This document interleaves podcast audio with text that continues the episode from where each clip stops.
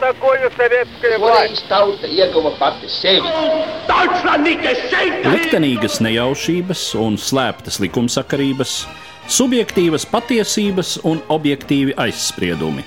Pēc atkušņa nekad nenāk uzreiz pavasars, bet sākās Arī šodien cilvēki ir ļoti tuvredzīgi. Viņi redz to naudu, kas ir. Televīzijā jau pamatā notiek cīņa par varu. Pagātne no šodienas skatu punkta un šodienas caur pagātnes prizmu. Raidījumā šīs dienas acīm. Katru svētdienu Latvijas radio eterā Eduards Liniņš. Labdien, cienījamie klausītāji! 22. februārī mēs atzīmēsim 150. gadsimtu kopš nācis pasaulē Jānis Enzelīns. Viens no izcilākajiem latviešu humanitāro zinātņu pārstāvjiem. Šodien mūsu saruna par Jāni Enzelīnu un mana sarunbiedra studijā - valodniece, Jāņa Enzelīna biogrāfijas un veikuma pētniece Sārma Kļaviņa. Labdien! Labdien!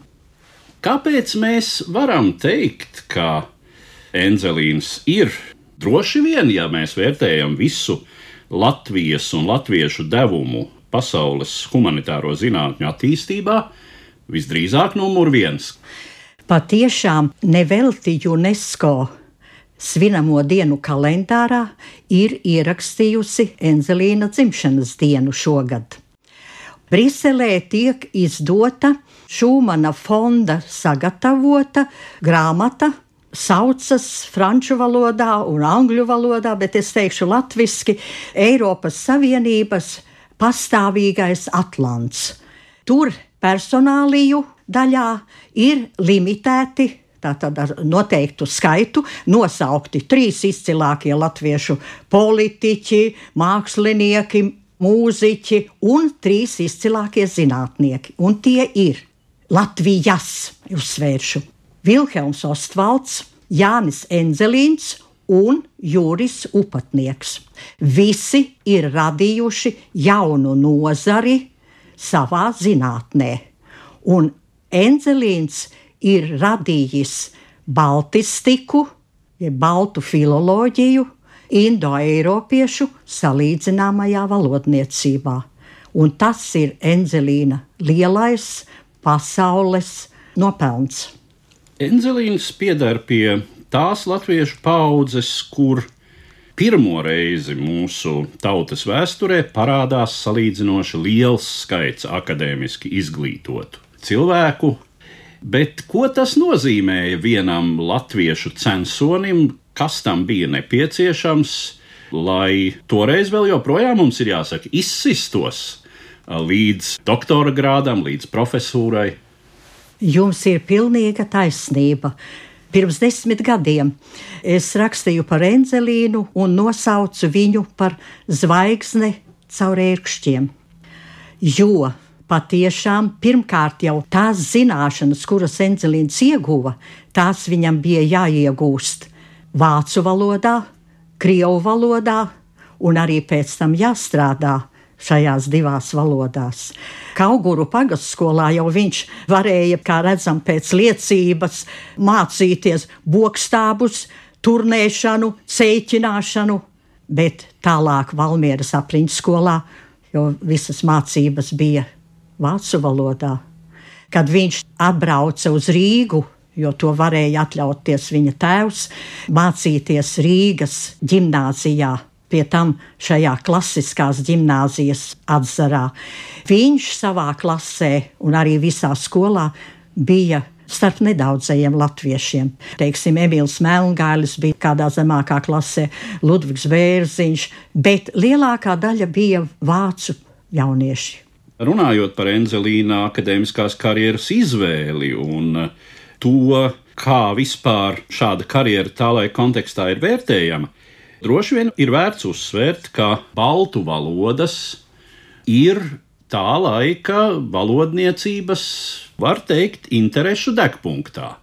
Jo šī baltu valodu seniskā daba ir konstatēta nu, faktiski jau no tā laika, kad vispār valodniecība kā nozara sāk veidoties 19. gadsimta pirmajā pusē, un tā sāk mm. veidoties lielā mērā pateicoties atklāsmei, ka ir līdzība starp valodām, geogrāfiski ļoti atstatām valodām. Indo-eiropiešu valodu materiāls ir tas, uz kura bāzes lielā mērā veidojas valodniecības zinātne. Jūs ļoti, ļoti pareizi novērtējat situāciju, kad valodniecība kā patstāvīga zinātne radās, apvienojot vēsturiskuma izpratni un salīdzināšanu kā līdzekli. Tad tiešām baltu valodas ieguva ļoti lielu uzmanību. Un, piemēram, lēšu valodai uzmanību pievērsa Augusts Šleihers, kuru mēs visi pazīstam jau pat no skolas, no indoeiropiešu ciltskoka teorija. Valodu radniecība. Šie jēdzieni tātad bija 19. gadsimtā dominējošie. Tajā laikā, kad Enzelīns piedzima, tātad 1873. gadā, salīdzināmi vēsturiskā metode jau bija ieguvusi dominējošo statusu. Baltu valodām arī jau bija atsevišķas valodu grupas status, ka tas nav slāvu un ģermāņu sajaukums. Pieprasījums pēc augstvērtīgiem baltu valodu aprakstiem bija ļoti aktuāls, jo īpaši salīdzinām vēsturiskās valodniecības dzimtenē Vācijā. Par lietuviešu valodu jau tātad zināmā mērā bija parūpējies Augusts Šleihers uzrakstījams Litauiša gramatiku. Bet latviešu valoda bija terra incognita, un Enzelīnam uzaicinājumu rakstīt latviešu valodas gramatiku piesūtīja no Getingenas jau 1903. gadā, kad Enzelīns vēl pat nebija maģistrs, bet viņš toties bija publicējis vērtīgus rakstus par trīs intonācijām latviešu valodā un viņa dzimtajā Valmieras runā. Tā nav gluži tikai akadēmisku sfēru skaroša lieta, jo Ja mēs redzam tā laika valodu kartes un šo tautību, etnosu robežas, tad ir gadījumi, kad latvieši vēl netiek izdalīti kā atsevišķa tauta. Bet nu, ir tāds kopīgais, ko visbiežāk apzīmē kā lietuviešus, un latviešu valodu šur un tur vēl tajā laikā uzlūko kā tādu lietuviešu valodas dialektu. Enzelīna veikumam ir izšķiroša nozīme, lai iezīmētu arī latviešu valodu šai pasaules lingvistiskajā kartē. Tad top latviešu gramatika, letiša gramatika, kā viņa viņa, nu, var teikt, viens no mūža darbiem, kur patiešām paiet 20 gadi, kamēr viņš ar to cauri dažādiem apstākļiem, darba vietas maiņām un, protams, pasaules karam, kas visu to ietekmē, tiek līdz izdevumam, kas tad arī iznāk Vācijā 1922. gadā. Jā, patiešām pagājušajā gadā bija liela jubileja valodniecībā.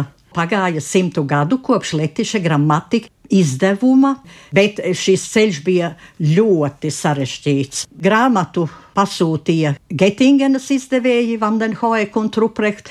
Pēc tam, kad Enzelīns ilgi to veidoja, rakstīja, bija lieli daudzi priekšdarbi. Enzelīns, kad ieradās Harkivā ar ģimeni, 1909. gadā tur bija Harkivā vakance salīdzināmi vēsturiskās valodniecības un Sankrita katedrā. Universitāte jau viņu bija vairāk kārt aicinājusi un pat ievēlējusi, bet viņu neapstiprināja. Tur ir atkal personīgi motīvi. Bet tad, kad nu, viņš ieradās Harkivā, tad viņam bija vispirms jau pienākums veikt pedagoģisko darbu ne tikai Harkivas universitātē, bet arī augstākajos sieviešu kursos. Un viņam bija arī pienākums pildīt līgumu ar Getingenas izdevējiem. Un viņš saprata vienu lietu, ka vispirms viņam ir jānoskaidro senās slāvu un baltu attieksmes. Gan lingvistiski, gan visādi citādi. Un viņš sēdēja Harkivas Universitātes bibliotekā un studēja līdz pat 1911. gadam, un rezultātā radās grāmata Slāvu baltu etīdes, jeb Slavjana Balčīskie ķudi, un par to viņš ieguva Pēterburgā doktora grādu. Un tikai 11. gadā viņš varēja sākt rakstīt pašu manuskriptu, Un šo manuskriptu viņš ir rakstījis, kā viņš ir atzinis, līdz 17. gada vidum, bet tad jau jūs zinat, kādi bija vēsturiskie apstākļi, un viņš atgriezās Latvijā, kad jau bija Latvija, kad universitāte bija nodibinājusies, bet vēl nebija noslēgts miera līgums. Viņš pat ar pirmo bēgļu ešalonu Latvijas robežu sasniedza 26. maijā 20. gadā, bet viņu un vēl piecus no šī ešalona aizkavēja kā ķīlniekus un turēja Sebežā, kamēr atvedīs no Rīgas pāri robežai sūtāmos komunistus. Un tad sākās rūpes gan par universitātes veidošanu, par fakultātes veidošanu, kurā Enzelīns ar lielu deksmi metās iekšā, bet arī bija rūpes par manuskripta izdošanu. Un tad, kad Ansis Gulbis bija kļuvis par izglītības ministrijas komisionāru, kuram bija jāprūpē rakstu darbu izdošana un tirgošana, tad arī tika iegūta nauda Enzelīna Letiša gramatika izdošanai. To drukāja jau Karla Vintera grāmatu izdevniecības tipogrāfijā Darmštatē. Tāpēc ir tādi divi izdevumi. 22. gads, kur rakstīts ir Ansis Gulbis, un pēc tam, protams, Karla Vintera Heidelbergas apgāds paņēma un arī 23. gadā izdeva, un šī grāmata ir šajā Indoeiropiešu bibliotekas kolekcijā numur viens Baltiše bibliotēka. Enzelīna akadēmiskās izaugsmes posms, jāsaka, arī ne bez ērkšķiem. Te ir tāds fakts, lasāms viņa biogrāfijā, ka pirmo reizi, kad viņš pretendē uz doktora grādu, akadēmiskā padome tērbatā ar vienas balss pārsvaru, tur laikam bija septiņi pret astoņi, viņu neapstiprina. Atļaujieties, koriģēšu uz doktora grādu pretendējot Pēterburgā. Pēterburgā ir tieši tas notikums, kuru jūs minējāt un kura dēļ arī es pievērsos Enzelīna dzīves pētniecībai. Visur enciklopēdijās par Enzelīnu tiek rakstīts, ka viņš doktora grādu ieguva 1912. gadā Pēterburgā par darbu Slavjana Balčīskie eķudi. Slāvu baltu etīdes. Jā. Un es pētīju viena cita rīdzinieka, Rīgas aptiekara dēla Eduarda Voltera darbību jo Pēterburgā viņš ilgus gadus strādāja universitātē un arī akadēmijas bibliotekā. Un tur ir bagāts Voltera arhīvs. Un Voltera arhīvā es atrodu 21 lapusi atsauksmi par Enzelīna doktora kandidāta darbu Latvijas predlogi Častaraja 1907. gadā. Es domāju, kas tā par lietu? Viņš taču ieguva 12. gadā un par citu darbu. Un tad es sāku meklēt, kā tas ir bijis. Un šādu ērkšķu Enzelīnam dzīvē ir bijis vēl tālāk nemazums, un to visu viņš ir tomēr spējis izturēt. Mazliet par to, kāda ir Enzelīna nozīme baltu valodu vēstures izzināšanā. Enzelīna uzmanības centrā ir šis jautājums par baltu un slāvu valodu attiecībām, par hipotētisko baltu slāvu kopvalodu, vai arī to, ka šāda kopvaloda nav pastāvējusi. Uzskati par šīm attiecībām ir dažādi. Piemēram, ir viens uzskats, ka no indoeiropiešu pirmvalodas atdalījās atsevišķi slāvu zars un baltu zars. Slāvi ir bijuši baltiem tuvākie kaimiņi, kādu laiku apusējā ietekme ir bijusi liela, bet pēc tam ir notikusi atkal attālināšanās. Šo uzskatu arī pierādīja Jānis Enzelīns savā slāvu baltu etīdēs. Bet ir atkal uzskats, tas arī ir Augusta Šleihera uzskats, ka pakāpeniski radās tāds atzars no pirmvalodas baltu slāvu ģermāņu, tad atdalījās ģermāņi atsevišķi balti slāvi kopā, un tad beidzot atkal balti un slāvi šķīrās. Antoāns Meijē var teikt dižākais no indoeiropeistiem Parīzē. Viņš savukārt atkal uzskatīja, ka tomēr jau no indoeiropiešu pirmvalodas. Bet šis jautājums ir mūžīgais, salīdzinām vēsturiskās valodniecības jautājums. Mūsu šodienas saruna veltīta izcilajam latviešu valodniekam Jānim Enzelīnam, viņa 150 gadē. Mana sarunbiedre, valodniecības vēstures pētniece Sārma Kļaviņa.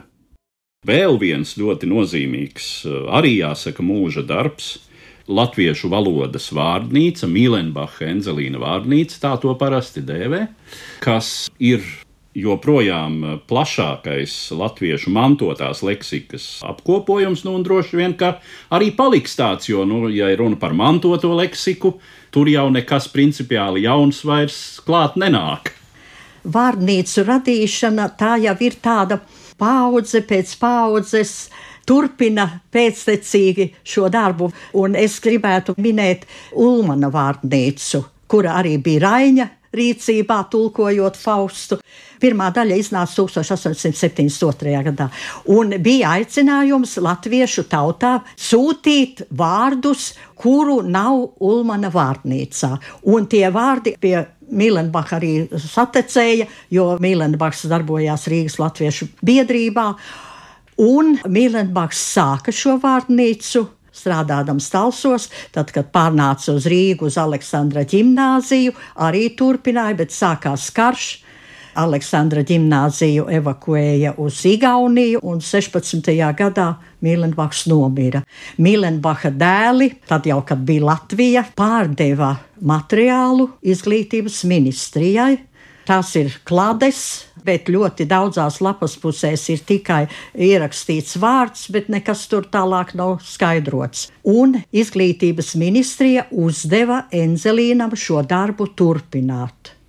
Enzelīns šo darbu uzsāka Rīgas Latviešu biedrības valodniecības nodaļā, sapulcināja 13 kungus un katru ceturtdienu pulcējās Rīgas Latviešu biedrībā. Dalībnieki bija apbrīnojami, ieinteresēti, dažādu profesiju cilvēki un arī vecumu cilvēki, kas nāca un nodarbojās it kā varbūt liktos ar tādu vienmuļu darbu, nosauc vārdu, un tad no dažādām izloksnēm nākušie klātesošie saka, vai viņu izloksnē tāds vārds ir un ko tas nozīmē un kā to izrunā. Sākumā jau vārnīca izdeva burtnīcās, un Edzelīnam bija, es teikšu, pareiza taktika. Līdz ko bija sagatavota noteikta daļa, deva to burtnīcā iespiest. 32. gada novembrī bija jau pirmie pamatsējumi ar burtu žē. Beidzot, gatavi, tad Enzelīns rīkoja nevis apkūlības, bet apvārtības. Dēli pārdodami šīs klades ierakstīja tādu punktu, ka Mīlendbaks ir jānosauc kā galvenais radītājs, bet procesā ļoti, ļoti nozīmīga loma bija Edītei Hausenbergai Šturmai. Viņa sagatavoja vārdu sarakstus, kas ir jānoskaidro. Tā vārnīca ir reizē tulkojoša, reizē skaidrojoša. Vārdu skaidrojumi ir vācu valodā. Enzelīns bija piedāvājis, ka šī vārnīca saucama arī kā Edītas Hausenbergas šturmas vārnīca, bet viņa atteicās. Toties, kad veidoja papildinājumu un precizējumu sējumu, tur ir divi autori - Enzelīns un Hausenberga šturma. Tātad kopā ir seši sējumi. Tad, kad mēs pirms šīs ēteru sarunas ar jums runājāmies, tad jūs teicāt, Enzelīns jau tādā populārā atmiņā ir kā dīdītājs un drasētājs valodas pareizībā. Enzelīns bija tādās domās, ka valodnieki nav nekādi valodas arhitekti un arī nav nekādi likumdevēji, bet ka valodniekam ir jānovēro valodas procesi, ir jāsaprot šīs likumsakarības, un tāds valodnieks, kurš zina šos iekšējos likumus, arī var dot rekomendācijas valodas kultūrai, valodas praksei. Un Enzelīns ir izdevis nemazums arī tādu rakstu darbu kopā ar Pēteri Šmitu, izrunas un rakstības vadonis, un arī ir maza grāmatiņa dažādas valodas kļūdas. Es gribu atsaukties uz mūsdienu slavenu baltistu Pietro Umberto Dīnī, kas strādā Pīzas universitātē, un viņš savā grāmatā Baltu valodas ir raksturojis šo pūrismu par mēreno pūrismu. Bet šī paša mērenā pūrisma dēļ Enzelīnam nācās dažādas ķengas uzklausīt. Pat lauksaimnieks, man liekas, Jānis Lūke, divas brošūriņas par savu naudu izdeva protestēdams pret Enzelīna ierosinājumiem. Bet tas jau vēl bija nieks salīdzinot ar to, kas Enzelīnam bija jāpiedzīvo padomju Latvijā. Jā, viņš izvēlas palikt dzimtenē, Viņš ir jau krietni gados, un līdz ar to arī došanās bēgļu gaitās ir droši vien problemātiska. Viņš ir pasaules mēroga zinātnes spīdeklis, kurš var rēķināties tomēr ar zināmu respektu pat no padomju varas puses. Nu, galu galā viņš ir Padomju Savienības Zinātņu akadēmijas korespondētāja loceklis jau kopš 1929. gada. Sākotnēji patiešām viņam arī tiek dots gods, viņš ir amatos. Katedru vadīja jā, Zinātņu akadēmijā valodas daļu. Valodas literatūras institūtā. Bet te ir jāpieskaras tai situācijai padomju valodniecībā pagājušā gadsimta vidū, Staļina varas periodā, kad tur valda tāda pseidozinātniska teorija, kura ir pazīstama kā marisms pēc tās radītāja, gruzīnu izcelsmes valodnieka Nikolaja Marra vārda. Kas tas īsti bija par fenomenu? Tas tiešām bija fenomens, par kuru ir jābrīnās, ka normāli domājoši cilvēki arī pakļāvās šai mācībai. Pats Nikolais Mars bija austrumu Kaukāza arheologs un valodnieks, bet tad viņš arī gribēja iesaistīties marksistiskas valodniecības radīšanā un radīja šo savu vulgāru socioloģisko jauno mācību par valodu. Pirmvaloda ir kaut kādi mistiski četri elementi, skaņu elementi - sal, ber, jon, roš. Ka varētu būt kāda valodu radniecība un kaut kādas indoeiropiešu valodas, tā ir buržuāziskā kontrabanda. Viņš nomira jau 34. gadā bet bija svarīgi šo mācību visu laiku uzturēt. Citādi domājošie tika vajāti visādos veidos. Latvija to sāka izjust šo marismu pēc 48. gadā. Tika rīkotas apspriedes divreiz mēnesī kad lielajā aulā vajadzēja, kā saka, pārmācīt citādi domājošos, ne tikai valodniekus, bet arī literatūras zinātniekus. Tur vajadzēja folkloristam, Anim Albertam Jansonam taisnoties, Paulam Dālēm, Vērskalnei, vesela rinda. Viņiem vajadzēja atteikties no tā, ko viņi ir iepriekš darījuši un domājuši. Enzelīts neapmeklēja, bet, kad kļuva par dekānu Evalds Sokols, un par rektoru kļuva Jānis Jurgens 49. gadā, tad tas kļuva jau neciešami un ļoti draudīgi.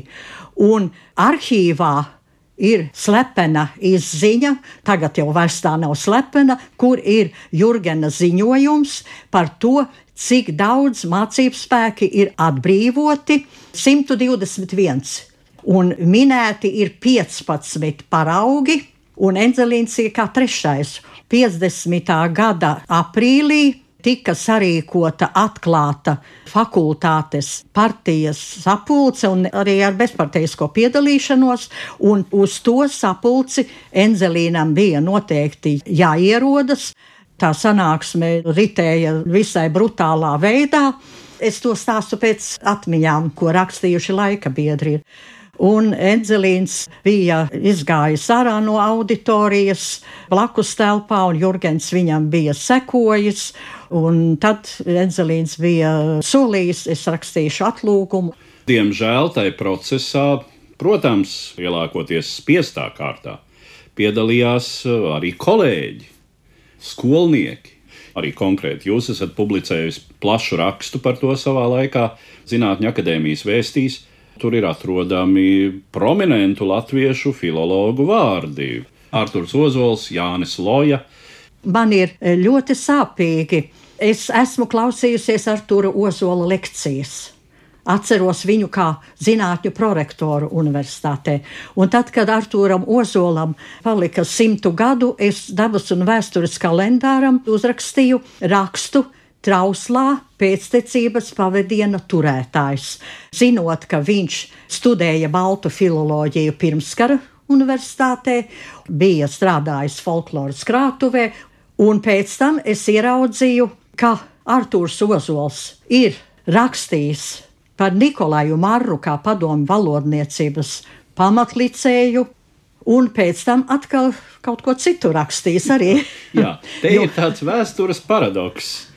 Daži mēneši paiet Jā. kopš brīža, kad Enzelīns ir parakstījis atlūgumu, kad Padomju Savienībā sākas Marra totāla atcelšana, kuru vainago paša Josifa Staļina publikācija. Mars tiek noslaucīts līdz ar zemi, viņš kļūst par nepieminamu personu uz visu atlikušo Staļina dzīves laiku. Var tikai iztēloties, kādas izjūtas bija tiem, kuri pirms burtiski dažām dienām varbūt bija ganījuši Enzelīnu un uh, slavinājuši Maru. Notika tas, ko nebija gaidījuši tie, kas Enzelīnu slānīja par nepievienošanos marismam, un komandieris šajā arēnā bija Arvīts Pelša. Un Jurgens arī bija ļoti čakli strādājis un bija pat uzrakstījis Staļinam vēstuli par to, kādu labu darbu viņš ir padarījis, atbrīvodams Jāni Enzelīnu. Un pēc tam, kad tika publicēts šis Staļina raksts, kā raksta ministru kabineta priekšsēdētāja vietnieks Vilis Krūmiņš atmiņās, ka Jurgens zvana un prasa, vai tu nepazīsti Poskriebiševu, Staļina biroja vadītāju, jo Jurgens gribēja to vēstuli dabūt, lai tā nenonāk tālāk. Bet Pelše veikli izdomāja jaunu kaujas uzdevumu - buržuāzisko nacionālismu. Un tagad Enzelīnu vainoja buržuāziskajā nacionālismā, kaut Enzelīns jau vairs nebija universitātes sienās, Enzelīns turpināja strādāt Zinātņu akadēmijā valodas daļā.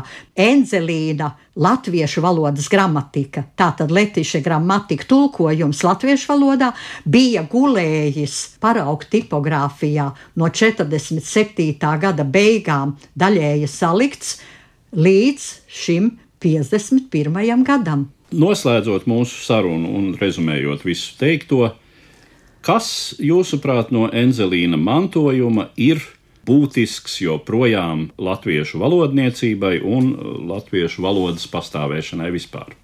Valodniecībā tiem, kas strādā ar salīdzināmu vēsturisko metodi, Šie Enzelīna četri lielie darbi ir nozīmīgi, jo tur parādās valodas vēsture un izskaidrojumi, kāpēc mums tā ir. Savukārt, otrā plānā šajā valodas kultūras laukā es domāju, ka ir vērtīgi ieskatīties vienā izdevumā, kas ir izdots jau 21. gadsimtā Losandželosā.